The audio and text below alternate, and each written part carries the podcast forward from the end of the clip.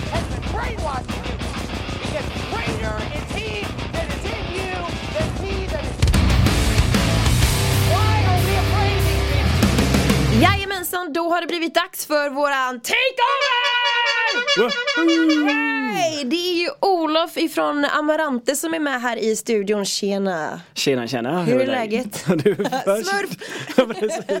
Det är kanonbra. Ja, det är bra. superduper är det. Riktigt kul att ha er här. Ni har ju faktiskt inte varit i studion innan på det här sättet. Vi har ju Nej, träffats precis. på andra fräcka tillställningar men inte i våran studio. Ja, exakt. Pirate Rock-festen på Sticky Fingers för fem år sedan. Mm. Ja, men det Sex var en stund sedan. Någonting i den Typ på stilen, tok för länge sedan när Alldeles man för länge sedan. fortfarande kunde festa när det inte var corona liksom. Precis. Tänkte precis fråga när är nästa fest då? Ja, det får vi se. Förhoppningsvis 2021 hade ju varit fantastiskt att få till någonting igen tänker jag. Vi ska helt enkelt köra på med lite Amarante special nu i tre dagar framöver. Vi ska snacka med dig, vi ska snacka med Elise, vi ska snacka med er båda två. För att i förra veckan släppte ni ju en ny platta.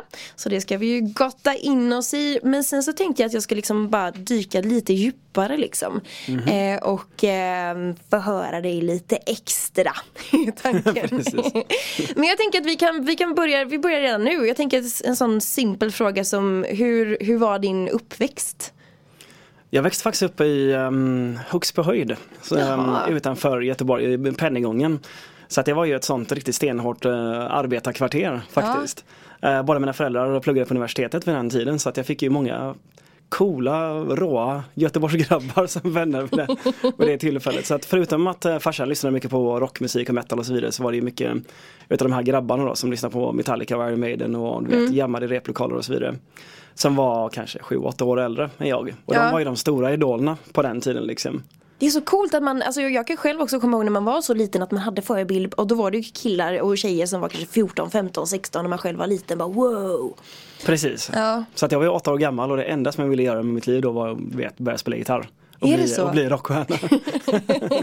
Men då hade du ändå det som dröm ganska tidigt. Absolut, Ja. definitivt. Så att det var det som var det stora målet och det fanns ju många andra i min ålderskategori som satte igång och började spela musik när de var 8, 9, 10 år gamla också. Mm. Men skillnaden var väl att jag var monomanisk som allting annat. Mm. Och överfokuserad så jag satt ju med min gitarr 5, 6, 7, 8 timmar Är det sant?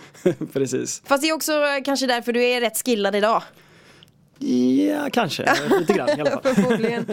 Men hur skulle du säga att du var i skolan? Jag var duktig i skolan men eh, mina lärare sa att jag var drömmande. Så att jag tittade ut genom fönstren och tänkte på helt andra saker. Ja. Förmodligen att spela någon arenashow i framtiden. Men eh, hur, du hade polare och sådana här saker och, och istället för att liksom sitta och störa klasskompisarna så satt du och drömde dig bort då istället. Precis, det var Ja. lite på det sättet. Jag fick hyfsade betyg och så vidare men sen i gymnasiet så gick jag in för min egen skolplan. Jag kollade upp i förväg hur mycket frånvaro kan jag ha? Och då Är det insåg jag att, sant? Då insåg jag att jag kan ha 35% frånvaro. Så att jag hade Oh my 35% frånvaro i precis alla ämnen under gymnasiet. Och den, tog, den tiden tog jag till att öva gitarr istället. Det här är det sjukaste jag har hört, vem är du? Så det var ju min egen utbildning. Liksom. Jag smäller av! Snyggt ändå att du kollade upp hur mycket du kunde ha utan att bli underkänd. Precis. Det är, nog, det är Fram- ingenting vi uppmanar till er ungdomar som lyssnar att man ska Precis, göra. det är ingen, ingen bra. Men eh, Olof, du ska sitta med här en liten stund. Jag tänker vi ska eh, prata lite mer om drömmar och liknande grejer. Så att, eh, häng med här nu i den här Amarante specialen som vi har den här veckan i Pirate Rock. All right, here we go. What's up, mother? You are listening to the Moron Show.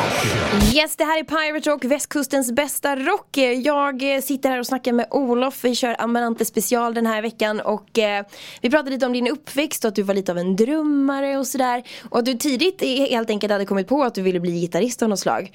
Men fanns det några så här klassiska yrken som var med i bagaget? Jag ska bli brandman eller jag ska du vet bli polis eller sådana där saker. Egentligen inte. Alltså det fanns ju visioner från mina föräldrars och mina mor och farföräldrars sida att jag skulle bli, um, plugga juristlinjen. Och bli advokat, vilket är ju lite släktyrket. Är det det de håller på med? En del, Ja. inte så mycket längre, men Nej. det var det på den tiden i alla fall. Så att jag, när jag var 19 så sökte jag in Och, Ja, du gjorde ändå det? och kom in. Men eh, precis samtidigt så fick jag ju skivkontrakt med eh, Dragonland, mitt andra band. Som jag fortfarande är med i. Så att då använde jag som ursäkt att jag måste satsa på det här. Jag har ju fått skivkontrakt, det var ju sån stor och allvarlig grej på den tiden. På det, sedan 90-talet, tidigare 2000-talet. Ja. Men vilken grej! Det är ju supercoolt. Hur kände du, var dina föräldrar stöttande i dina beslut när det kommer till musiken?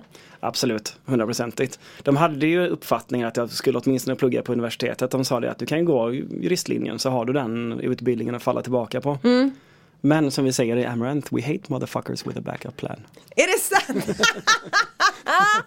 Vilket jävla bra slogan liksom, det kan man ju leva med. Grejen är att när det är tufft så är det ju lätt, vet, speciellt när det är tufft ekonomiskt och man ser alla sina andra polare som är färdigutbildade.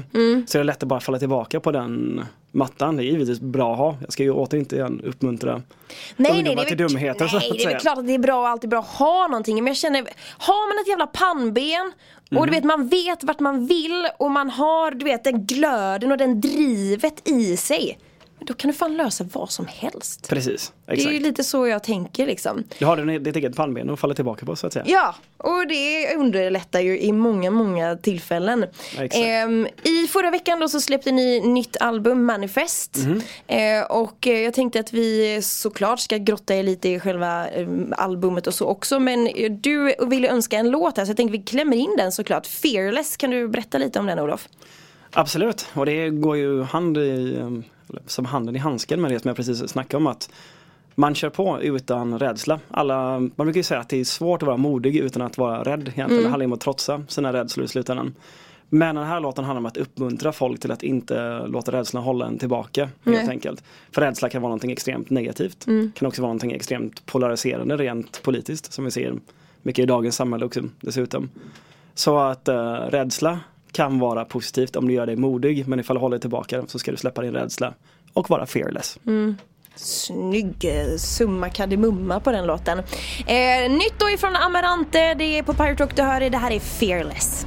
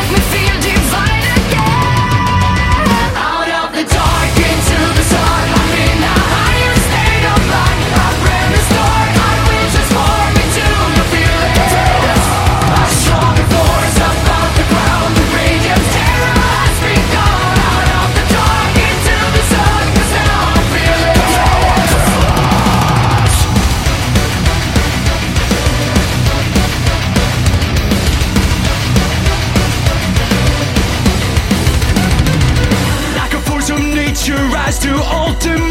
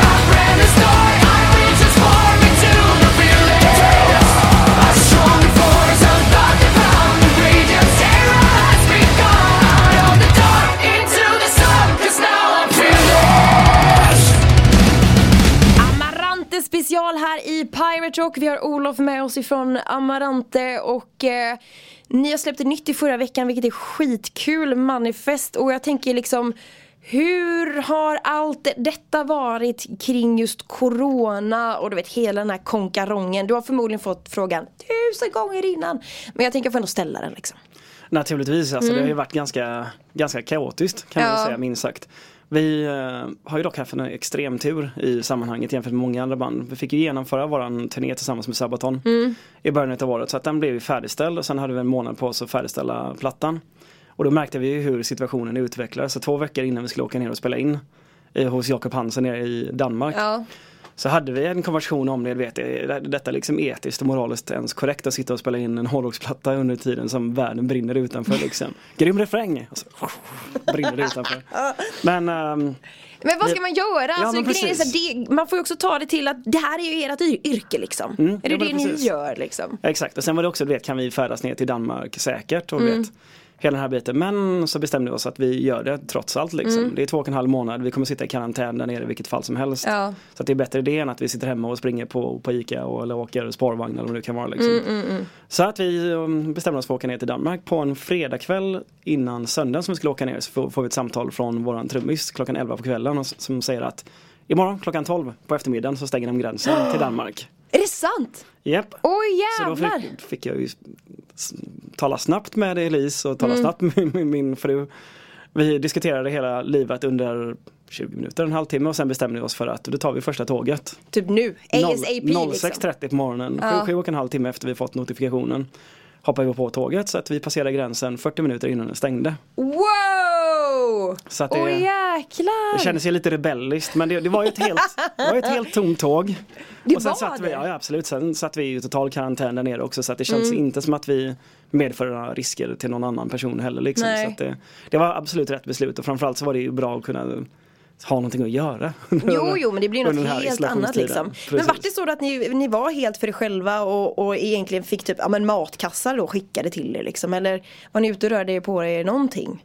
Vi köpte ju mat lite någon gång då och då men grejen är att när man spelar in en platta i studion så är man ju helt isolerad Ja. i vilket fall som helst. Så att vi var ju vana vid den här karantänen och vi pratade med varandra musikerpolare runt om i världen som satt hemma och var deprimerade. Vet, och Ja, frågade men- hur, ja, hur det var med oss. Bara, jo, vi stressade som satan. Men hur, hur är det egentligen att vara i en sån miljö liksom? Och också då när man får veta till sig att shit, alltså det är en pandemi som försiggår i världen och vi måste, måste, måste vara här. Jag kan inte gå ut och, och liksom gå på krogen eller göra något annat utan det här är såklart att det är 100% fokus i vanliga fall men då kanske man gör en liten avstickare liksom. Men här var det typ, nu ska vi bara vara här. Vill man skalla någon eller? Egentligen inte. Alltså det, vi hade väl våra farhågor när vi var på väg ner. Liksom. Mm. Som sagt, jag och Elisa har ju spenderat mycket tid med varandra tidigare. Liksom. Men nu skulle det vara två och en halv månad Ja. oavbrutet. Kommer man gå varandra på nerverna? Kommer man Ja. döda varandra? och det var inte mycket dis- större diskussioner där eller större konflikter. Som tur var. Men eh, som du sa, vanligtvis så gör man ju avstickare. Du vet. Mm. Någon öl på krogen, framförallt gå ut och käka på, på restaurang och du vet, vara omkring andra människor. Så det var ju trist att man inte hade den biten. Liksom. Mm. Ja precis. Men vi ändå, vi alltså 95-98% av tiden vanligtvis är vi ju bara med oss i bandet ändå i Ja ja. ja men då Och vi, vi är ju lite familj, vi gillar att hänga ihop och vet, dricka vin på kvällarna och laga mat liksom och du vet den här biten. Så att det var ett ganska soft sätt att spendera Mm. Gud, tiden. skönt. Hade kunnat vara mycket värre liksom. Ja men det hade, på riktigt, det hade ju kunnat vara det. Så det var ju skönt att det funkade så pass bra tänker jag. Precis. Att man eh, fick hänga lite extra och fick lite mer kvalletid. Ja, Exakt.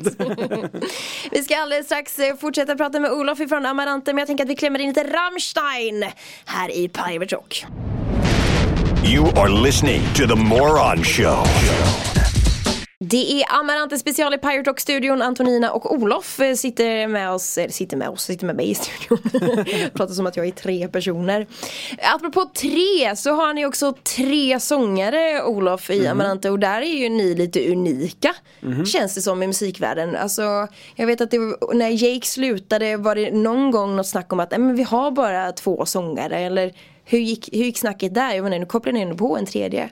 Grejen är att ehm, hade vi skippat den tredje manliga sångaren så hade det varit massvis med låtar som hade varit blivit märkliga att framföra live liksom. Ja, okej. Då hade det varit 75% Elise och en growler som growlar lite grann då och då ungefär. Så det hade varit lite märkligt och sen hade vi ju en snubbe i åtanke då. Ja. I och med att uh, Jake hade gett oss ganska god framförhållning på Mm. hans avhopp så hade vi börjat fundera på det. Så att det var ganska smooth transition där. Jag menar, ett tag körde ni, jag vet inte, Chris Adam ifrån eh, Smash Smash, var ju med pieces. och hängde lite grann och så, jag menar, ett sånt beslut måste ju vara supersvårt och jättegenomtänkt, du vet hur man faktiskt ska utföra den grejen. Jo, naturligtvis. Alltså, det är en stor grej. Även ifall man är tre sångare. För att vanligtvis med ett sångarbyte kan ju vara ytterst traumatiskt för ett band liksom. Mm. Och få det att fungera och jag vet inte tappa alla fans och så vidare. Men nu var det faktiskt utbrett på tre personer liksom. Ja. Så inte lika katastrofalt. Men, eh, och sen Nils har gjort ett grymt jobb sen dag ett. Han gjorde sitt första gig i mars 2017. Mm. Och sen dess har det rullat på. Han var fast medlem två månader senare bara. Ja men snyggt, det måste ju Precis. underlättat jättemycket liksom att få en sån Absolut. jackpot typ med en gång liksom. Och jag tänker när man är, ni är ändå några stycken att man ska bli en del i gänget också. Med tanke på att ni umgås som att ni vore en stor familj. Jo precis, och det är ju det som är riktigt grymt med att ha Nils. Är ju inte bara att han är en svinduktig sångare utan att han verkligen är en del utav familjen. Och att, Precis som du säger, det är så vi umgås nu för tiden. Liksom, och på mitt bröllop förra året så var hela bandet nere på plats till exempel. Och där vi har spelat in eh, videos nu nere i Polen så istället för att alla går till varsitt hotellrum så går hela bandet, sex personer ut och käkar ihop till exempel. Gud vad så att, trevligt. så att det är så, så det ska vara. Det måste väl kännas skitskönt, det känns inte som att det kan försiggå i alla band. Dessvärre. Precis, och det är ju efter tio år också vet du, så att Ja. Mm. det kan ju dyka upp slitningar på, på vägen liksom. Men nej, vi är definitivt en familj. Absolut. Ja, men skönt att höra. Vi pratar ju också lite nya plattan, den släpptes i förra veckan, Manifest och jag tänkte vi ska köra på med ytterligare en låt, eh, Adrenaline, säger man så? Adrenaline? Adrenalin. Adrenaline. Eh, och eh, berätta lite om den Olof. Mm. Det är en text som är skriven av Elise som kan tolkas på lite olika sätt men det är, det är faktiskt en, någonting så udda som en metallåt, stenhård metallåt som egentligen handlar om, om mänsklig närhet. Och eh, på ett lite sexigt sätt kan man säga. Då lyssnar vi på den.